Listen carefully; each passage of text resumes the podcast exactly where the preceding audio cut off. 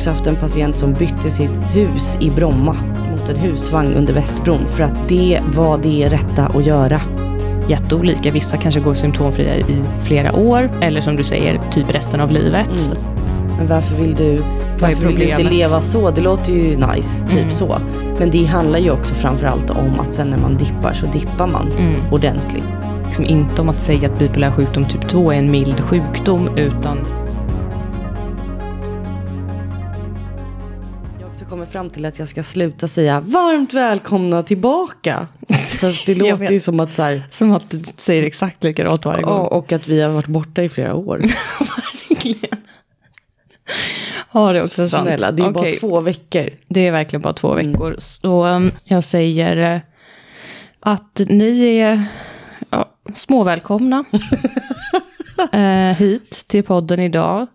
Som inte haft så långt uppehåll utan eh, så långt uppehåll som vi har kommit överens om att det ska vara. Exakt. Det vill säga ett avsnitt varannan vecka. Dock har ju vi tänkt, Oj, jag vet inte om du ska säga det här högt för då blir det ju prestationspress här. Att vi men vi måste... kan behöva det. Okej. Vi har ju tänkt, vi har ju så stora planer nu när vi inte pluggar längre, att vi ska hinna mer med podden. Så vi har tänkt nu att eh, vi ska försöka, ingen prestige i detta, ingen press, bara lite, under våren här, att det ibland kanske kommer något extra Ja, avsnitt då och då, att det absolut. inte är två veckor emellan. Eh, kom på nu då när vi skulle ge vårt kyliga välkomnande att vi inte ens sa vad ni var välkomna till. Ska vi göra det då? Okej. Kyligt välkomna. Kyligt välkomna ska ni vara till podden Normalt galen! En podd om psykiatri och allt mellan himmel och jord. Det är jag som är Emma. Och det är jag som är Rebecka. Och vi är två sjuksköterskor som arbetar inom specialistpsykiatrin i Stockholm. Då var det jag klar. Alltså jag kände ändå varmt välkomna hörni. Ljummet jobbigt. välkomna. Ja. Ett ljummet välkomnande. Mm, absolut. Ehm, vi sitter idag i eh, en...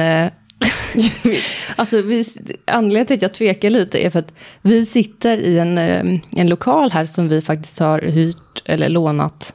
Av min bror. Ja, Mm. och det är, är ett sånt här, ja men liksom en separat lokal ute på gården, gatan. Ja, typ. Ehm, och vi kom fram till att det inte verkade vara så mycket eko om vi skulle prata om mitt vanliga ljudsnack. Men däremot så hörde vi precis en bil åka förbi utanför och vi vet inte om det kommer höras. Nej, så vi eh, i så fall ber vi om ursäkt innan. Folk lever tydligen vilt på gatan utanför. Klockan 18.30. Ja, precis. Men idag så är det torsdag. Mm. Vi har också ätit pannkakor. Vi har Det är ätit torsdag. pannkak- pannkakstorsdag. Mm.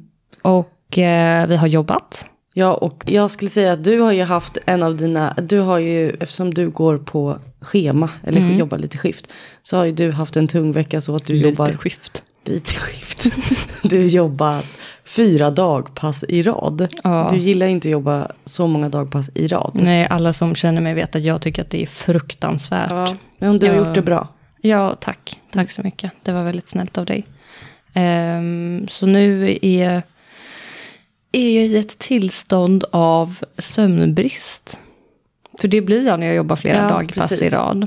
Det är bara så det är. Jag var i och för sig i Göteborg i helgen. Helgen som var. Kul. Eh, Det var kul. Firade min syster som hade fyllt 25. Och jag känner att man får lite livskris. Och eh, tänker så här, hur kan hon vara 25? Jag är ju inte ens 25. Det var det jag tänkte. Kändes det inte jobbigt att din lilla syster blev 25? Jo, för jag tänker att hon är typ 14. Exakt. Så det var Jag jättekonstigt. älskar att hon är 14 och pluggar till jurist. Mm. Men okej. Hon är väldigt begåvad. Verkligen. Men det var väldigt trevligt. Men i alla fall när jag skulle komma tillbaka till Stockholm. Ja, Så jag dodgade ju precis det här kaosvädret med inställda tåg och sånt.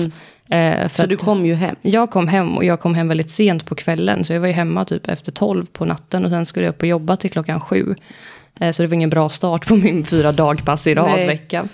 Men eh, det har ändå varit en trevlig vecka. Ja, det har ju det. Hur har din vecka varit? Ja, men den har varit bra. Jag tycker att, eh, ja, men jag tycker att det är lugnt. Jag tycker att det är liksom roliga patienter. Det är ett blandat tillstånd. Till exempel. Men det är väldigt mycket blandat just nu inne inne hos oss. Vilket också speglar allmänpsykiatrin, att det är så blandat. Men det är väldigt roligt. Exakt. Just det, vi måste ju nämna något eh, som är väldigt roligt som har hänt den här veckan. är ju att vi har blivit intervjuade igår.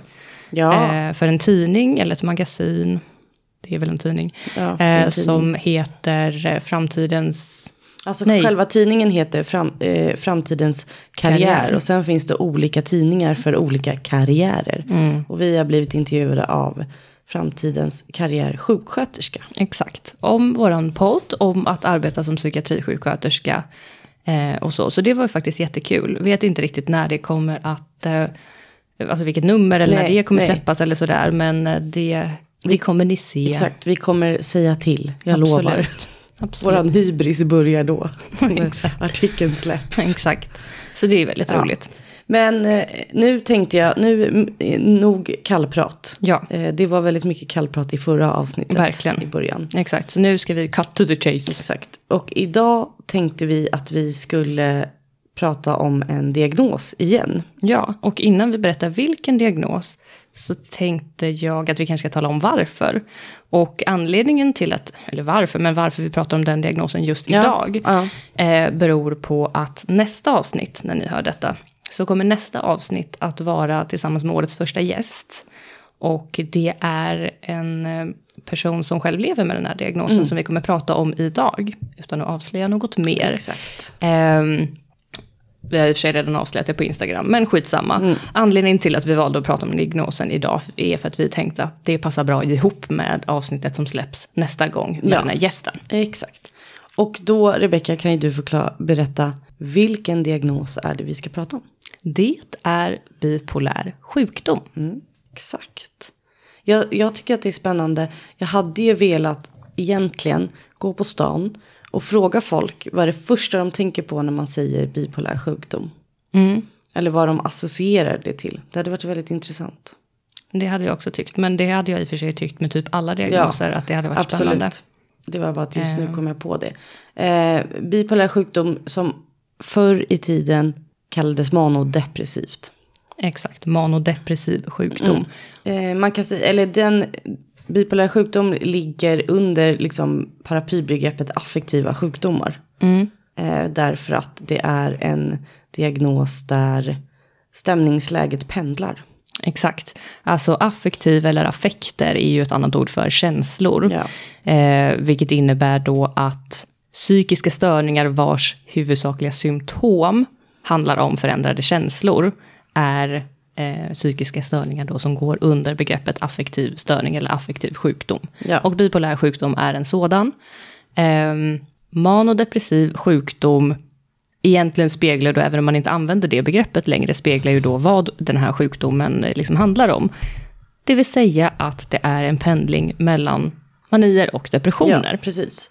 Alltså, alltså bipolär är ju också, man kan säga att det är liksom två poler. Exakt, bi är ju två. Ehm, och då, eh, för att liksom sätta det i kontext, eller vad man ska säga, så är ju en unipolär depression, alltså det är en pol, är ju det som de flesta då, alltså när man tänker på depression, Ja. vad är en depression? Den typiska depressionen eller diagnosen egentlig depression. Eh, en pol, alltså nedstämdhet, man drabbas av. Medan då bipolär sjukdom innebär, eller betyder två poler och man då pendlar mellan depression, som är ett sänkt stämningsläge och nedstämdhet. Eh, och den andra polen då är ett förhöjt stämningsläge. Också någonting då som man kan kalla för mani. Och vi Ja. kommer komma in lite senare i avsnittet på vad en mani faktiskt är och eh, vilket typ av symptom den kan bestå av. Ja, precis. Jag tänker ändå att vi gör som vi brukar göra. Att vi börjar med hur vanligt det är. Precis. Eh, och då kan vi ju börja med kanske att bara säga att den här diagnosen delas upp i två. Alltså man kan ha typ 1 eller typ 2. Exakt, och prevalensen skiljer sig ju något Ja. lite grann åt, beroende på om man har typ 1 eller typ 2. Och eh, även det kommer vi återkomma till lite senare, vad som skiljer de Ja. olika typerna åt. Men vi kan börja med att säga då att eh, prevalensen, eller alltså förekomsten, det vill säga hur många människor i befolkningen som lever med den här sjukdomen, ehm, så är det för typ 1 en prevalens på mellan 0,4 till 1,6 procent. Mm, och typ 2 så är det ungefär 1 procent. Exakt, så det är lite skillnad ändå. Ja, och så kan man säga att det här är ju en eh, sjukdom som man, eh, alltså man föds ju med den latent, men den bryter ut. Och då, då är det ett väldigt långt spann. Det är ungefär mellan, man säger att man, eh, mellan 13 och 30 år. Där någonstans. Ja, precis. Alltså att man drabbas Ja.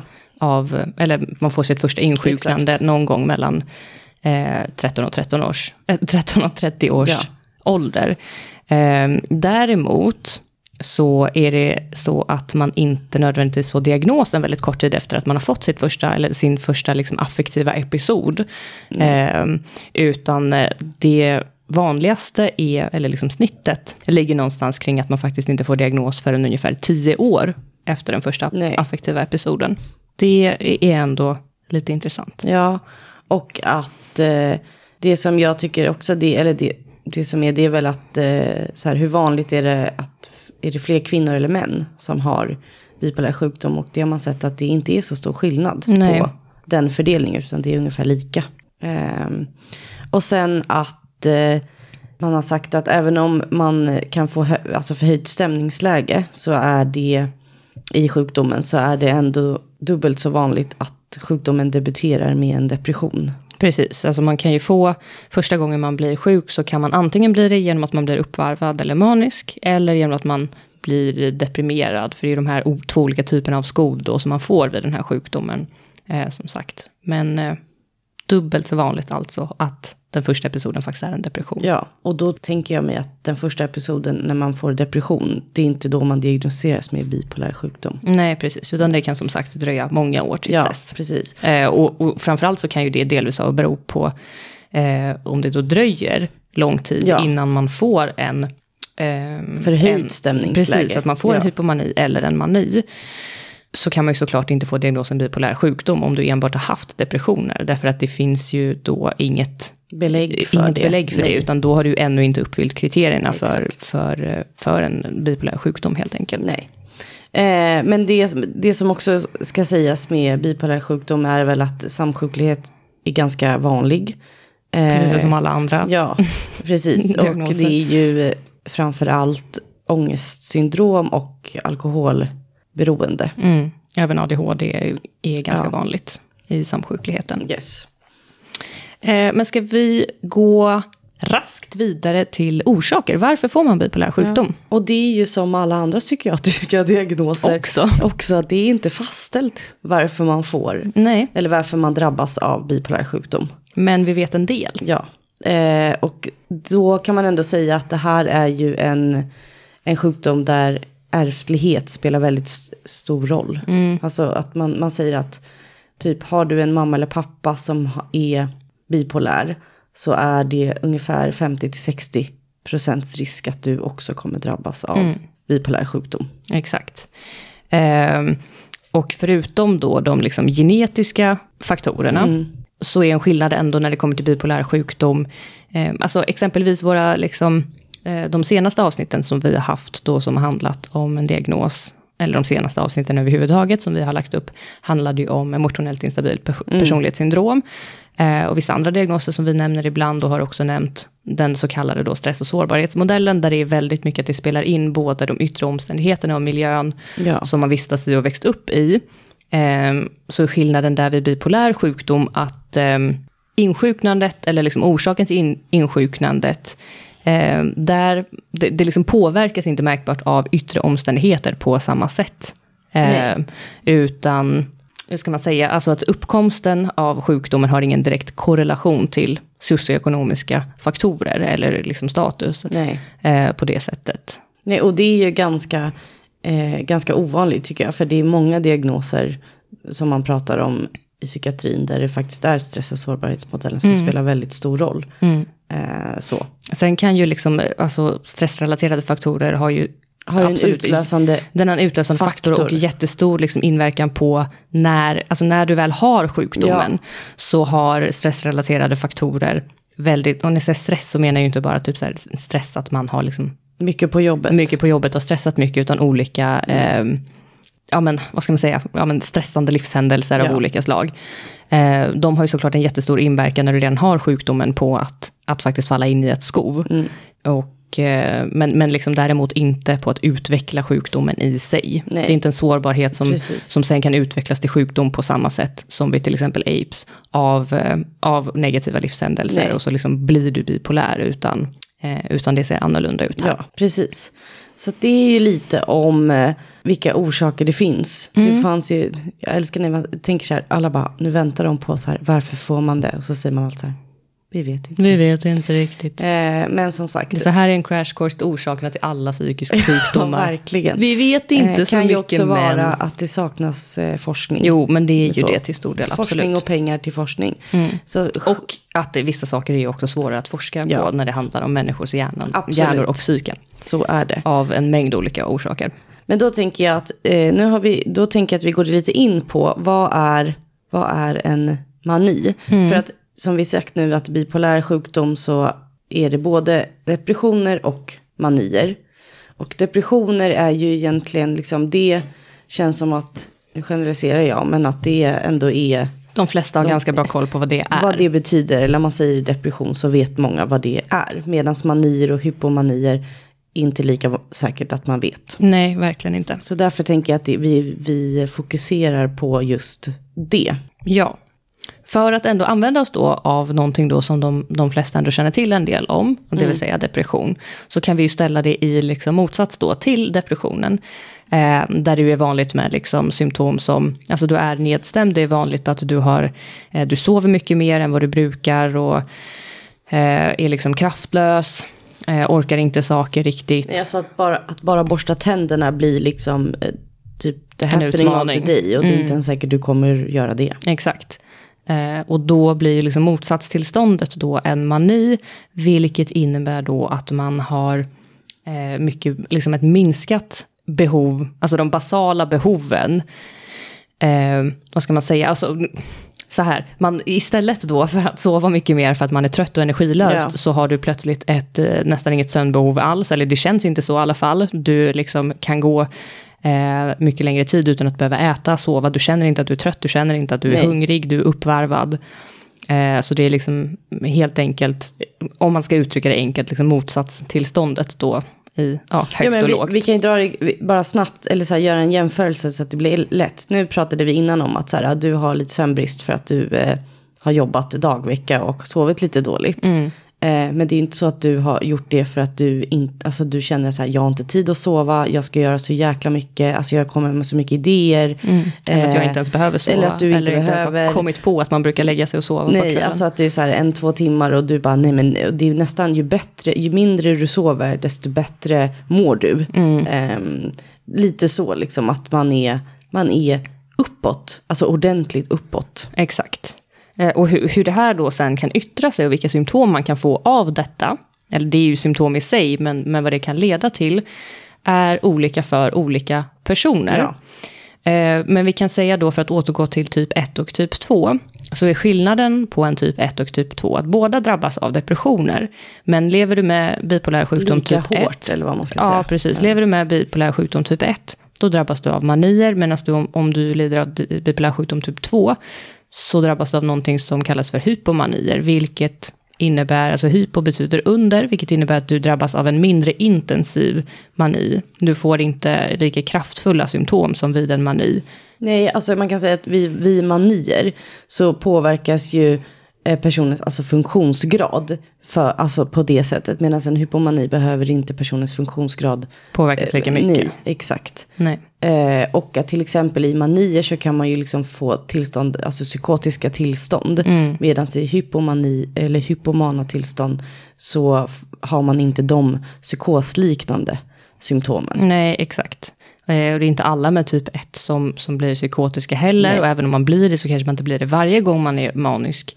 Eh, Men däremot om man är typ 2 så blir man aldrig psykotisk. Nej, Eh, precis. För det är liksom, det, det är ett tillstånd som enbart tillhör bipolär sjukdom typ 1. Ja, och då ska man ju ändå tänka också att när man, när man pratar om så här, vad klassas som en mani, alltså hur länge ska man ha haft det? Och då brukar man säga att det ska ha hållit i sig mer än sju dagar, eller sju dagar eller mer. Om det inte är så att man till exempel har sökt sjukvård. Eh, för då såklart förkortas ju den eftersom att man får hjälp att bryta manin.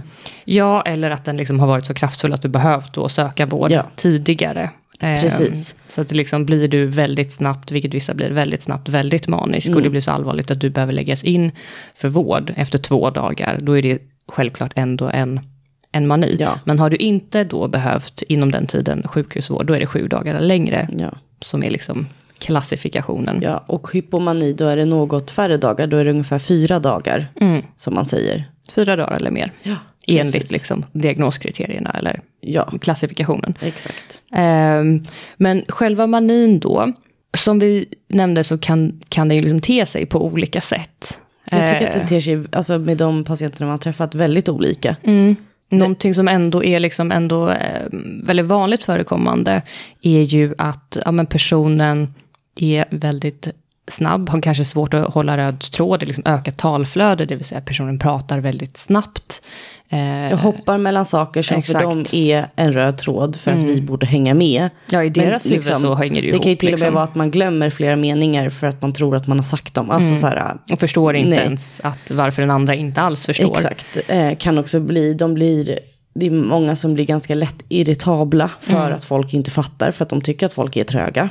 Eh, för att det går så fort i deras huvuden. Exakt. Eh, man är ofta, med manier så är man ju ofta väldigt, eh, man kan ju få till exempel sådana här, eh, lite som psykosliknande, att man, man tror att man har fått ett meddelande genom tvn att du ska uträtta något och då måste Mm. du eh, sälja alla dina kläder, vad det nu är liksom, Ja, sälja det- dina kläder, du ska, eh, ja, Ja, men precis. Alltså, eh, det som man brukar kalla, kalla för grandiositet, eller Ja. liksom grandiosa vanföreställningar. Att man, precis som du säger, liksom får för sig att man är utvald för ett visst uppdrag, till exempel, kan vissa eh, uppleva, eller att de är liksom världskända, eller att man har liksom en direkt kontakt med Gud, eller att man har fått liksom, ja, det finns massor av Ja. olika sådana eh, exempel.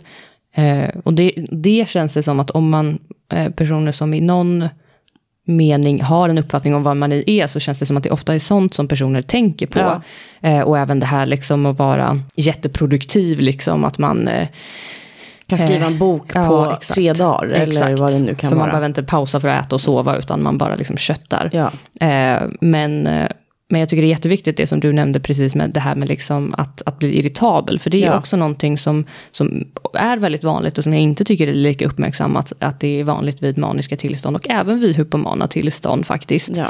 Att, eh, att vara liksom irriterad, att man liksom, sen när man mår bra så känner man så här, åh gud hur har jag betett mig liksom? För att man har eh, ja, varit irriterad, arg, liksom inte klarat som- av att umgås exakt. med människor som man egentligen tycker om och bara stöter ifrån sig alla. Eh, Ja, och så. många relationer, även om man kan lappa liksom ihop dem, så går de kanske i kras just i, i maniska tillstånd. För Mm. att man faktiskt blir så arg och man i affekt eh, Exakt. lämnar någon eller tvärt. Alltså så här att man, och sen också väldigt vanligt tycker jag, som man inte pratar så mycket om, det är ju det här, eh, alltså sexuellt, att man blir väldigt, man, kan bli Mm. väldigt, väldigt, eh, eh, vad ska, Ja, alltså gränslös, gränslös i, alltså så här, eh, många patienter till exempel kan ju typ klä av sig nakna och springa runt nakna, alltså sådana saker som, som man måste skydda dem ifrån när de Mm. är hos oss till exempel, men att man kanske har haft många sexuella relationer fast man kanske är gift eller vad det nu kan vara. Mm. Alltså att sådana saker som, som när man sen mår bra, känner så här, vad har jag gjort? Jag har förstört mitt liv. Ja, alltså vi har ju haft flera personer faktiskt, just det där med eh, alltså otrohet är, är ju inte jätteovanligt. Vi har haft Nej. flera personer som har varit inlagda hos oss där det har varit eh, återkommande liksom vid maniska episoder att ibland är det en och samma person som, det behöver inte ens vara någon man egentligen har en relation till, utan att man får för sig liksom helt plötsligt att så här, eh, men jag ska ju, eh, alltså jag och Elon Musk, jag måste ju åka nu för att vi ska ju gifta oss. Ja. Vi har ju planerat det här nu, att vi ska gifta oss och vi har ett jättestort bröllop på gång. Eh, och Britney Spears ska komma och den ena och den andra ska komma. Så där är ju liksom, okej, där är det ju inte på riktigt. Men, eh, men de här liksom erotomana då, vanföreställningarna som man kan få kan ju även liksom, eh, kretsa då kring personer som faktiskt finns i verkliga livet. Där man antingen inbillar sig att man har en relation med dem. Eh, vi hade ju till exempel en, en patient en gång som hade eh, följt efter en person till ett annat land. Därför att eh, hen fick för sig att de hade en relation och att de skulle leva resten av livet med varandra. Fast de hade egentligen aldrig haft Pratat, någon riktig typ. kontakt Nej. överhuvudtaget. Men också som ju- du säger, alltså just det här med otrohet, att det faktiskt Ja. kan gå så långt att man då eh, ja, men, eh, utsvävande i sin sexualitet på ett sätt oavsett om det är otrohet, att man lever i en relation eller att man inte gör det, men på ett sätt som man vanligtvis aldrig skulle göra. Nej, och, och samma sak när det gäller till exempel så här ekonomiska eh, grejer med manier. Att många är, många är till exempel så här, ja men jag, jag, ska, jag måste köpa, jag hade en patient en gång som var tvungen att köpa 16 eh, sportbilar. Alltså var bara tvungen, så var jag tvungen att ta lånet på banken. Eh, för att det, jag skulle ju ha de här sportbilarna för att sen behöver, alltså att det finns liksom egentligen inget så här, okej om du hade tänkt efter sen och inte varit manisk, då är det ingen som köper 16 sportbilar till sig själv. Men liksom att man skuldsätter sig på den grad att det var så här, jag har också haft en patient som bytte sitt hus i Bromma mot en husvagn under Västerbron för att det var det rätta att göra. Det var liksom egentligen inget mer att det var inte så här jag ska rädda, utan det var det rätta att göra. Prova att bo där, måste ändå känna efter. Hur känns det? Alltså, ja, exakt. Eh, så. så man sätter sig ju ofta i väldigt knepiga situationer när man är manisk. Och är man manisk, Inte bara knepig, utan det är förödande Ja, situationer alltså- för vissa personer, Ja. där man faktiskt ödelägger både, absolut. både relationer och, och liksom ekonomi Ja, ibland, alltså när det går så liv. pass långt, sitt liv. Liksom. Eh, och, men eh, vad heter det, och det som är är ju att när man är manisk så mår man ju ofta väldigt bra. Även om man är gränslöst alltså så här, sexuellt eller att man är irritabel eller så, så är man ju, man, det är ju väldigt få maniska patienter som söker självmant vård. Eh, utan då är det ofta anhöriga eller liksom Ja, så. för det här är ju ett tillstånd där man själv Eh, upplever att man ja, mår bra. Ja, dels det, men också att eh, alltså, vissa, liksom, om man är i en lättare hypomani, så, så finns det absolut personer som, som fortfarande har en viss sjukdomsinsikt och liksom hinner Mm, absolut. bromsa i tid när man liksom har lärt, lärt känna sin sjukdom. Eh, men det tar ju också tid. Men, men även om man lärt känna sin sjukdom, om man faktiskt drabbas av en fullskalig mani, då har du ingen sjukdomsinsikt. Det finns ingen, ingen bipolär person på hela jorden som har sjukdomsinsikt när man är manisk. Så ehm, det, det i sig försvårar ju också eftersom att man aldrig någonsin skulle få för sig att söka vård. Eller rättare sagt, man skulle inte söka vård för det. Man kanske söker vård för någonting annat. Ja, Eh, exakt. så kan det ju vara ibland. Ja, ja, eller har att man haft. råkar ut för, alltså man försätter sig i farliga situationer Mm. som gör att man behöver kanske till exempel eh, ma- somatisk vård. Eller att man tycker att man har hjärtklappning. Mm. Ja, Eh, och då söker man liksom akuten för det. mm, Och så uppdagas det att så här, oj den här personen mår ju inte bra. Nej, Ehm, exakt. men att eh, hypomani, om vi då ska återgå, eller återgå, vi har inte pratat om det. Men Lite lätt har vi ju nämnt. Ja, men hypomani då om man ska ta det, det är ju som sagt att man får de här snabba, alltså det här snabba tänket, det här snabba, de här snabba ja, liksom. idéerna kan komma. Men då kan det ju kanske handla om att man inte byter sitt hus i Bromma mot en husvagn, utan det kan vara så här, ah, fan det vore, det vore sjukt intressant att eh, typ, vad var det nu, jag kommer inte på något bra, typ så här, gör en hemsida om det här. Och så sätter man sig och gör det. Oavbrutet i Alltså, tio timmar exakt, typ, utan, att äta. Mm. Mm. Alltså typ sådana saker. Eller att man, ja fan jag kanske borde springa något lopp. Mm. Istället för att så här, kanske ska börja med ett fem kilometers, för jag har aldrig sprungit. Då Mm. anmäler man sig till tre maraton och tänker så här, det, det, det kommer gå bra. Exakt, och det är ju inte... ehm, även om, alltså en hypomani är ju mindre intensiv än vad en mani är. Och eh, den brukar liksom generellt inte leda som sagt till lika förödande konsekvenser. Det innebär ju inte att bagatellisera en hypomani. Nej, nej, Det, det är ju, eh, kan vara otroligt tufft att leva även med bipolär sjukdom typ 2. Eh, och där ska vi även nämna att även om hypomanierna då är mildare än vad manier är, det vill säga att uppvärmningstillståndet är mildare vid typ 2 än vid typ 1, så gäller det inte samma för depressionerna. Eh, utan en, typ, en person med bipolär sjukdom typ 2 kan precis lika ofta drabbas av lika djupa depressioner som vid typ 1.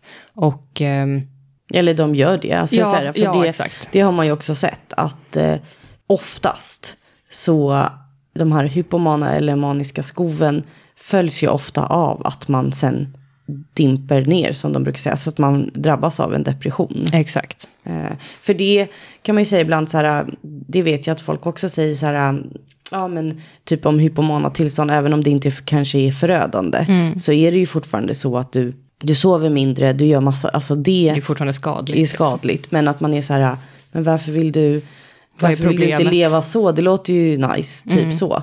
Men det handlar ju också framförallt om att sen när man dippar så dippar man ordentligt. Exakt, och för många personer som lever med bipolär typ, eh, typ 2 så är depressionerna det absolut största Ja. problemet. Att det finns ju vissa som kanske bara drabbats av, eh, ja men under en hel livstid kanske bara har haft typ två uppvarvningar. Medan de har haft kanske ett 30-tal djupa depressioner med liksom suicidalitet och eh, en, liksom hur mycket su- suicidförsök som helst bakom sig. Ja.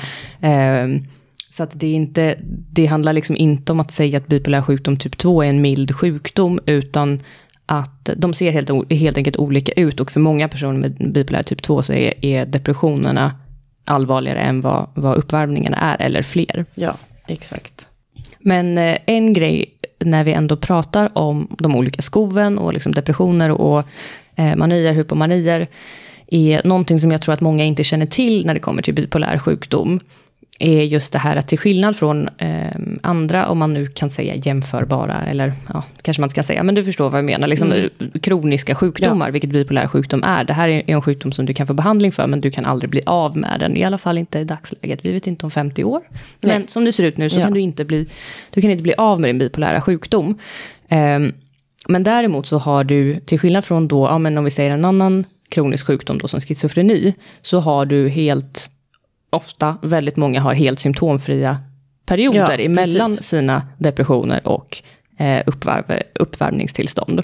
Eh, och i den mån man har symptom så kanske det är liksom ångest, eh, ångest exempelvis. Så, men det finns många som, som mår helt och hållet normalt, bra och vanligt Ja, som liksom i perioderna mellan. har ett normalt liv, vad det nu är. Men Ja, lika normalt som någon annan i alla ja, fall. men precis. Och att man, man som du Stabilt. säger, man kan leva symptomfritt Mm. nästan hela livet. Men då är ju eh, en, alltså en förutsättning för att man ska leva symptomfritt med bipolär sjukdom Mm. är ju att man måste äta medicin. Ja, jo men så är det. Ehm, Du kommer aldrig kunna i dagens läge sluta äta din medicin och inte bli deprimerad eller bli uppvarvad. Nej, exakt. Men okej, nu har vi pratat om alltså typ 1 och typ 2. Men det finns ju andra bipolära tillstånd eller vad man ska säga. Eh, som vi inte kommer nämna så mycket men vi, vi tänkte bara att vi säger dem snabbt. Eh, och då finns det ju till exempel något som kallas mixed state eller blandtillstånd. Och det handlar ju om att man, de här, eh, alltså depressioner och hypomanier, de kan pendla väldigt fort. Nej, men alltså man kan ju liksom ha dem samtidigt. Alltså att man har liksom mm, både maniska och depressiva symptom samtidigt.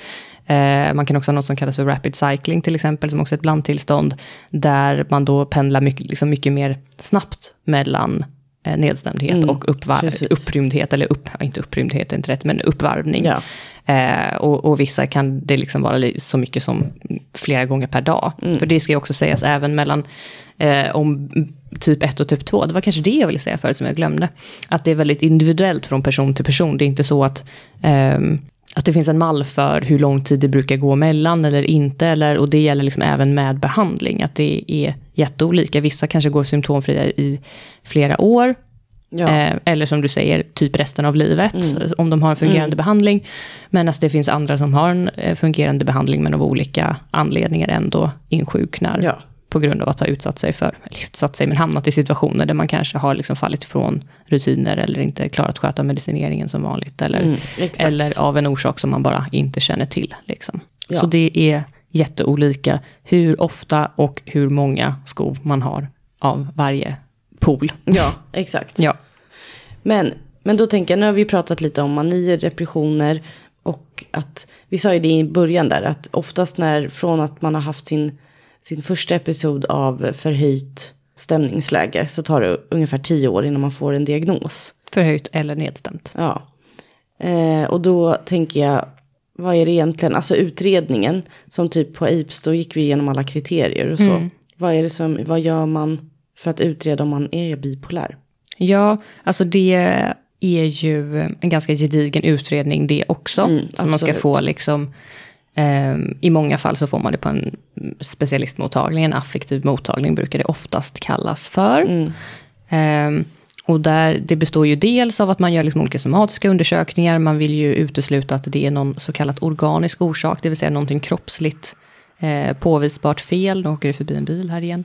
Eh, genom att till exempel göra MR-undersökning av hjärnan, ta olika blodprover och så vidare.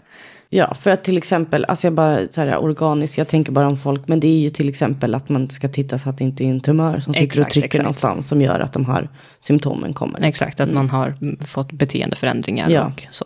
Och sen, som du sa, sen har man ju en gedigen alltså utredning i att man kartlägger sitt liv. Mm. Man tar ana, anamnes både av eh, alltså personen själv, men man brukar också prata med anhöriga. Mm. Eh, man får fylla i en rad skattningsskalor. Mm. Och anamnes är ju helt enkelt alltså, sjukdomshistoria. Och eh, poängen här är ju att man helt enkelt, ja, men som, som du säger, kartlägga, att gå tillbaka och hitta ett mönster. Att se, finns det något mönster i när har de här perioderna kommit? Eh, har det funnits liknande liksom, triggande faktorer? Vad är, det för, är det någon särskild tid på året?